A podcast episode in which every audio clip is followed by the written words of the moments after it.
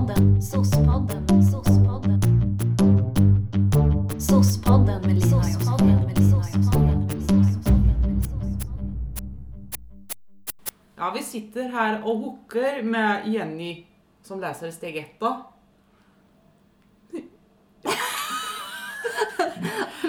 Ja, nej, men välkommen Jenny. Tack så mycket, tack. Vi har ju varit i den här situationen innan. Vi försökte ju spela in med dig i höstas. Mm. Gick ju sådär för att eh, det blev något, eh, man kan säga ett signalfel. Vi är glada att du ställer upp igen Tack. och berättar exakt det du berättade sist. Ordagrant. Ordagrant. Jag kommer ta det ordagrant. Eh, men vi ska ju prata om steg ett. Hur, hur kom du på att du ville läsa steg ett? Men det är väl ett intresse av fördjupning, av fördjupning i samtal eh, och hur eh, men människan fungerar och vad som är, skapar förändring. Och, ja, men att jag började ju läsa som till socionom för att jag var väldigt nyfiken på människan. Eller att jag tycker att det är det mest spännande. Hur vi funkar liksom. Får jag fråga en sak? För att, alltså, när vi gick utbildningen så upplevde jag att det var ganska många, inte många, ett, några stycken få som sa att de hade kanske velat bli psykologer Mm. eh, men hade kanske inte betyg Mm. till att komma in. Mm. Så därför blev de socionomer istället. Just det. Känner du igen det? Nej, men det tror jag inte. Eller alltså, klart att kanske jag tänkt tanken. Men jag gillar också hela grejen med typ att vara i samhället lite mer än vad man kanske är generellt sett som psykolog. Att liksom ha den så här, eh, breda kunskapen som man någonstans har som socionom om, där man liksom sätter saker i ett annat sammanhang liksom.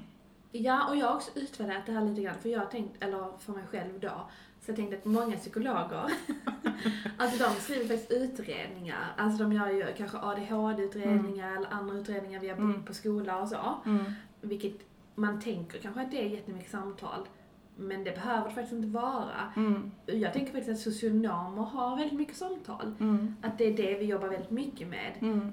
Så att om det är det man gillar, Mm. så är socionomprogrammet faktiskt väldigt bra. Mm. Men det kanske man inte visste i början. Fast det var ändå ett bra val menar jag. Mm. Jo, men alltså jättebra, jätteroligt val, tänker jag. Det är ju kul att jobba som socialarbetare. Ja, det kanske hade varit roligare på 70-talet men det är ändå rätt kul nu. Ja, ja. Där man fick röka ihop med klienterna inne på rummet. Mm. Ja, man Det köpte hade jag velat göra. Ja, Ja. men, jag är klar. Eh, nej men, eh, men va- vadå, visste du att det fanns steg redan i början av din utbildning? Eller du liksom hade hört om det och tänkte såhär, det ska jag göra. Jo, men det visste jag. Eller det visste jag nog innan. Men jag, alltså jag började plugga typ när jag var 27.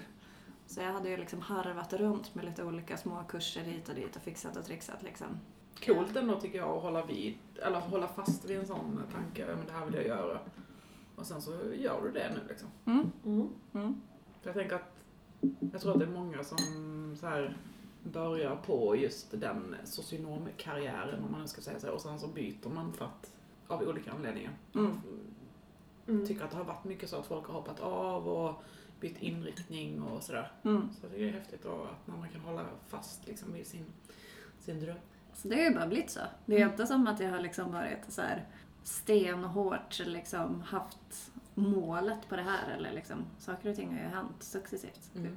Men det är intressant det du säger också att du var 27 när du började läsa till socionom. Det var jag också. Jag tänker vi var såna late bloomers. Ja. Du vet som man bara har varit runt i livet, jobbat med ditten och datten, plockat lite äpple där, Ja. eh, varit lite personassistent, kanske läst några kurser. Mm. Och sen man bara såhär, nu måste jag skärpa till mig, Ja. nu måste jag bli något av mig. Mm. Har du plockat äpplen? Alltså som yrke? Ja, på Österlen. Ja. Jo då, Jo, det har jag sett. jo då så att det var jävligt tungt va? Men hur var din väg in? För det finns lite olika sätt att komma in på den här utbildningen. Mm. Mm. Jag läser ju eh, på ett, privat på Sverigehälsan. Mm. Eh, Så det är liksom, man kan ju antingen läsa privat eller så kan man ju läsa via universitetet. Men det är ju ganska stor skillnad på att komma in liksom. Eh, Eller vägen in på de olika är ju väldigt stor liksom, i skillnad. Eh, Att det ställs eh, menar, olika krav eller olika, det är liksom olika kriterier. Mm. Det är ganska svårt att komma in på universitetet och de har också mycket eh, kriterier som bygger på att man liksom ska kunna jobba på en arbetsplats där du liksom redan bedriver någon slags behandling och där du kan arbe- eller liksom använda dig av utbildningen liksom i så här, långa klientkontakter liksom. Mm. Medans eh, där jag är så finns liksom inte det kriteriet liksom. Mm.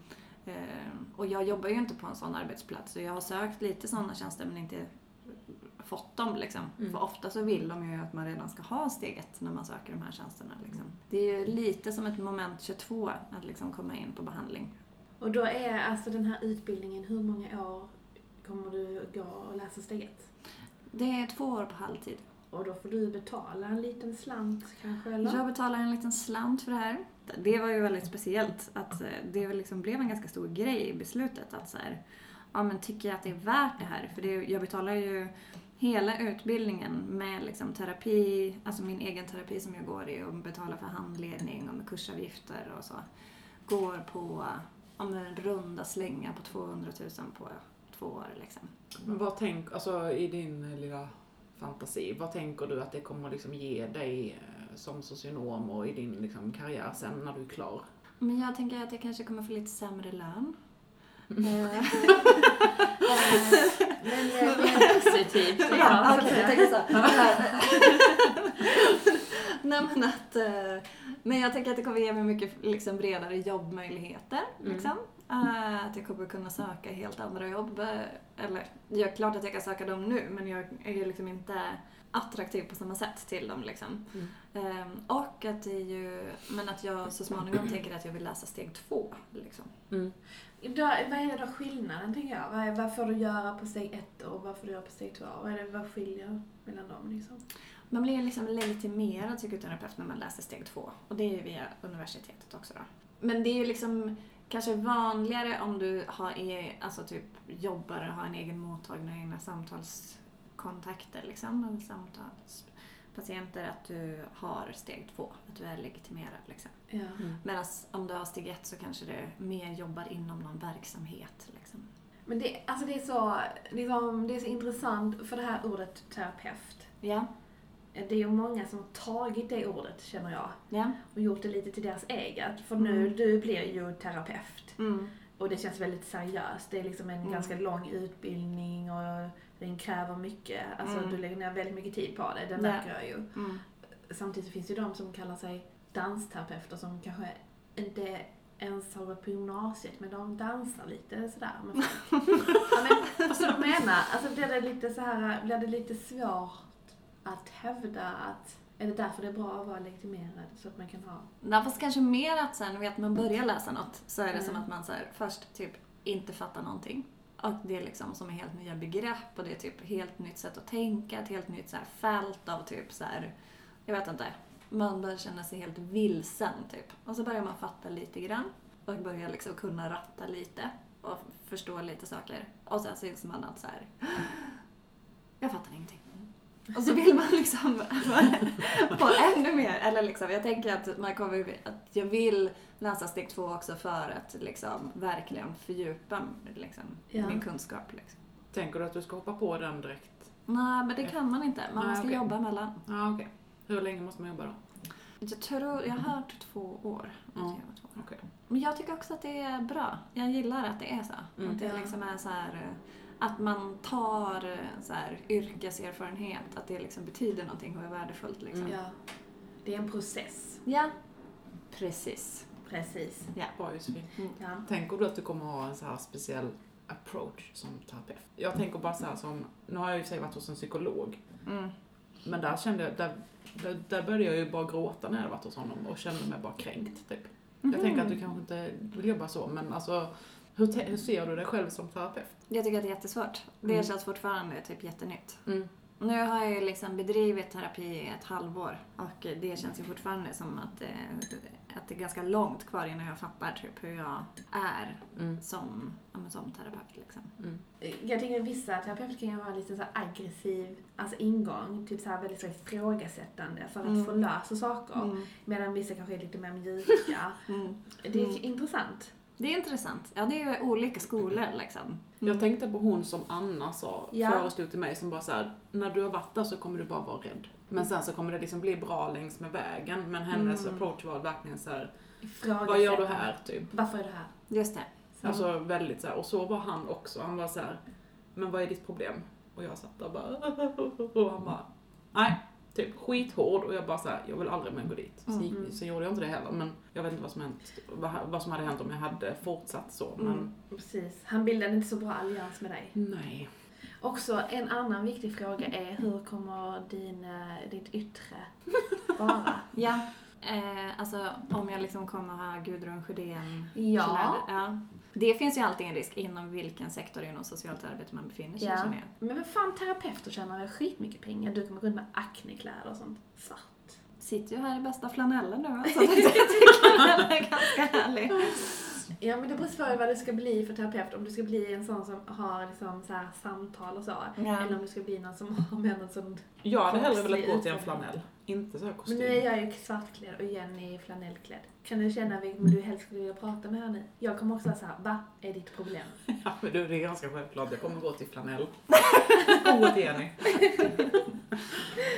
Har det på något sätt förändrat dig i ditt arbete som du bedriver på social jour? Gör du annorlunda än vad du gjorde för ett år sedan? Kanske tänker lite annorlunda.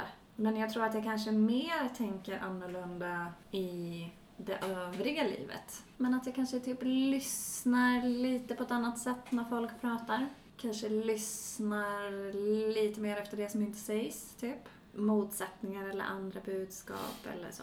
Tror du att du gör det i jobbet också? Nu har inte vi behandlande samtal. Nej, vi har ju inte det. Vi har ju ganska korta liksom, eh, kontakter. Men det kan ju vara lite rådgivande samtal ibland eh, Ja. på kvällarna och sådär. Mm. Jag, Antar tror, det. ja, Ja. jag tror jag har sett att du gör det. Ja, jaså? Ja. Ska jag berätta hur? Ja. Det är Eh, jättespännande. Jo, men jag har märkt då Mhm. att eh, när du har eh, lite mer rådgivande samtal då, eller, Mhm. Eller någon ringer in och är orolig och så, Mm. så jag märkt att du är lite mer, eh, du brukar lägga dig i en lite skönare position kroppsmässigt. att du, du sitter inte på en stol så, utan du kanske lutar tillbaka stolen och lägger upp benen lite grann och sen så har du lurarna på och så, så ställer lite mer eh, eh, frågor faktiskt, på ett annat sätt. Alltså jag känner ju igen mig i det här med att luta stolen tillbaka och Ja. sätta mig i en skön position. Ja. Ja. Men det Ja. tänker jag för att du liksom eh, gör dig redo för att ta in. Mm. Förstår du vad jag menar? Mm. Att man Mm. liksom öppnar upp sig själv för att ta in Mm. information och så. Just det. Mm. Ibland är, ju, Ja. är ju, ibland är ju vårt jobb väldigt så här att man vill ha liksom vissa svar. Och så. Man kan ju ställa vissa frågor, man kanske Mm. inte får de svaren i och för sig som man vill ha. De Mm. svarar ju på andra frågor ibland men man Mm. får ju hålla på tills de svarar på det man vill liksom att de ska svara på. Mm. Men jag, jag tycker att du gör lite annorlunda faktiskt. Mm. Jo men det gör jag ju säkert. Det borde jag ju göra. Det vore ju konstigt om jag inte var Ja. inspirerad. Ja, väldigt konstigt faktiskt. det är så här, jag tar in saker men jag använder det inte. Men du, vilken inriktning är det som du går? Psykodynamisk. Varför, var- varför blev det det? Jag tycker att det är mycket roligare. Ja. Ja, men jag tror också att det passar mig liksom. Mm. Alltså att det passar hur jag tänker och är och liksom vad jag är intresserad av och liksom.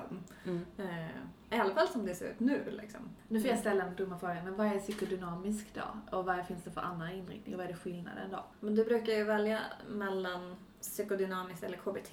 Mhm. Men om du läser i Lund så kan du ju också läsa eh, systemiskt. Men det psykodynamiska är ju den gamla klassiska Freud, alltså med Freud som eh, liksom urpappan till teorin. Det är allt handlar om barndomen, liksom. Alltså, det, det, eller liksom om Freud var, alltså vi läser inte så mycket Freud, utan vi läser liksom de grenarna som liksom har vuxit ut från hans teori. Liksom. Eh, så li- lite så här objektrelationsteori och jag, psykologi och affektteori. Alltså det handlar mycket om men det mellanmänskliga, om relationer och hur vi liksom utvecklas som person genom relation och när det brister, vad som händer då och hur man kan liksom må bättre på olika sätt. Liksom.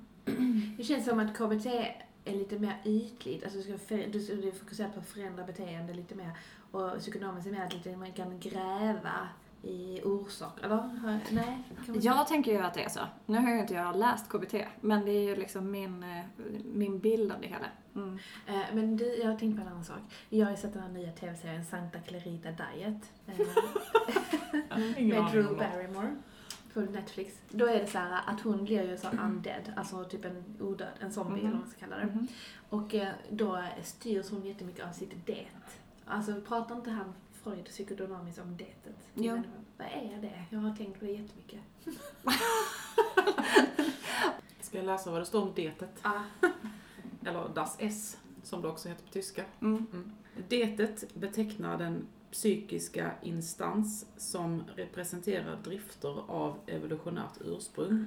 Exempelvis självbevarelsedriften och fortplantningsdriften. Mm. Den är våra impulser och drifter, de sexuella och aggressiva. Nu förstår jag allt. Ja, vad nu ser jag hela kosmos klart. Du har ju haft eh, terapi då i ett halvår. Mm. Alltså inte egen terapi då utan du, liksom, du är terapeut till Mm. en, Mm. en person. Mm. Hur är det? Ja, men det är ju eh, jättespeciellt. Jag ska ju träffa den här personen i ett och ett halvt år, en gång i veckan. Så det är ju lång tid liksom. Men det är speciellt, det känns väldigt fint på många sätt liksom. Det blir väldigt, det känns viktigt typ. Och den här personen, det blir ju också en ganska speciell relation. Mm. Att liksom sitta med en person en timme i veckan, lyssna på dens liksom, innersta tankar, men inte bara de innersta, det är ju liksom också lite allt möjligt som kommer och liksom försöka förstå, se mönster, liksom, se knutar. Och också att bara så här, våga vara där och våga bli en liksom, viktig person och våga låta relationen liksom, växa. Och, nej, men det är jättespeciellt. Ja, jag, tänker, jag tänker liksom, jag har sådana bilder av att liksom, gud, alltså så här, att man kommer in i ett rum Mm. och sen så kanske den här personen, dels i början liksom när man inte känner varandra, alltså man bara så här, hur ska man göra? Mm. Eller så, Mm. förstår ni vad jag menar? Mm. Var börjar man? och sen kanske man ska mycket lyssna och så ju. Mm. Men alltså jag är ju själv så här, jag får ju ångest när det blir tystnad. Mm. måste ju säga någonting. Så blir det bara trams. Mm. För, för att, alltså så här, ja men Mm. ni känner ju mig så ni vet ju det. Alltså att, tänk när de inte säger någonting så bara sitter man där tyst. Ah, ah, jag vet inte, jag beundrar det för jag tänker att det hade varit Du jättesvårt. kunde inte ens exemplifiera en tystnad nu. Jag vet. Jag tycker inte att det är så jobbigt. Det är som att det händer så mycket i den där tystnaden. Mm. Eller liksom, det är nästan som att i tystnaden så kan man känna rent fysiskt vad som händer i den andra på ett annat sätt än vad liksom. Alltså typ ett rum kan ju vibrera av känslor liksom. Och de kan ju ganska ofta liksom gå upp också i tystnader liksom. Det händer ju någonting i en tystnad och efter en tystnad. Det är ju jättespännande med tystnader. Alltså shit. Ja, verkligen. Ja men eh, hur ser den närmaste framtiden ut nu då? Som steg ett studerande. Har ni prov och så eller? Nej, det är liksom som att varje skoltillfälle som vi har är liksom som ett seminarium kan man säga. Så att vi liksom, man läser till varje tillfälle och sen så är det liksom genomgång och diskussioner liksom. Hur ofta har ni de här seminarierna? Varannan vecka, heldag. Alltså det är ju väldigt kul att läsa psykodynamiskt. Det är ju ganska flummigt alltså. Det är liksom härligt att liksom läsa många av de här artiklarna. Mycket så här fallbeskrivningar och psykologer som liksom har jobbat i hundra år och som beskriver någonting och så pratar de om olika personer som de har träffat. Alltså det är väldigt lustfyllt att läsa. Ja. Det är liksom väldigt roliga texter att läsa liksom. Skulle du rekommendera andra socionomer att ge sig på att läsa steg ett? Ja, ja, det är klart man ska göra det. Alltså om man tycker att det är spännande liksom. Om man tycker att det är så spännande med samtal och med människor och hur liksom, men så här, hur vi formas och hur man kan om, eller liksom hur man, vi kan omformas och Alltså egentligen så tänker jag att det är ju det som socialt arbete handlar om så himla mycket. Vi ska ju liksom hjälpa folk liksom vidare liksom. Ja. Det är en jätterolig utbildning att läsa. Det är ju liksom också en djupdykning in i sig själv. Liksom. Mm. Det är ju som att typ eh, ställa sig på trampolinkanten och hoppa ner. Det Mm. ska ju också gå i terapi i 50 timmar. Liksom. Mm. Spännande. Det är spännande. Och också typ att hålla i terapi lär man sig också jätte- jättemycket om sig själv. Jag går ju handledning en gång i veckan, en och en halv timme. Och bara i, i den liksom är ju, det är också jättemycket lärande i, Mm. och process. Liksom. Gud vad kul. Ja, jättekul. Jag känner mig inspirerad. Ja, jag också. Det låter som... eh, Ja, det låter jättekul. Vi kanske ska sluta göra podd och börja läsa ett. Vi kommer aldrig sluta göra podd. Nej, det kommer vi aldrig göra. Det här blir vår terapi, kan man Ja. säga. Det är också bra. Ja, Men tack så jättemycket Jenny. Tack ja tack så mycket. Mm, tack själva. Lycka till. Tack.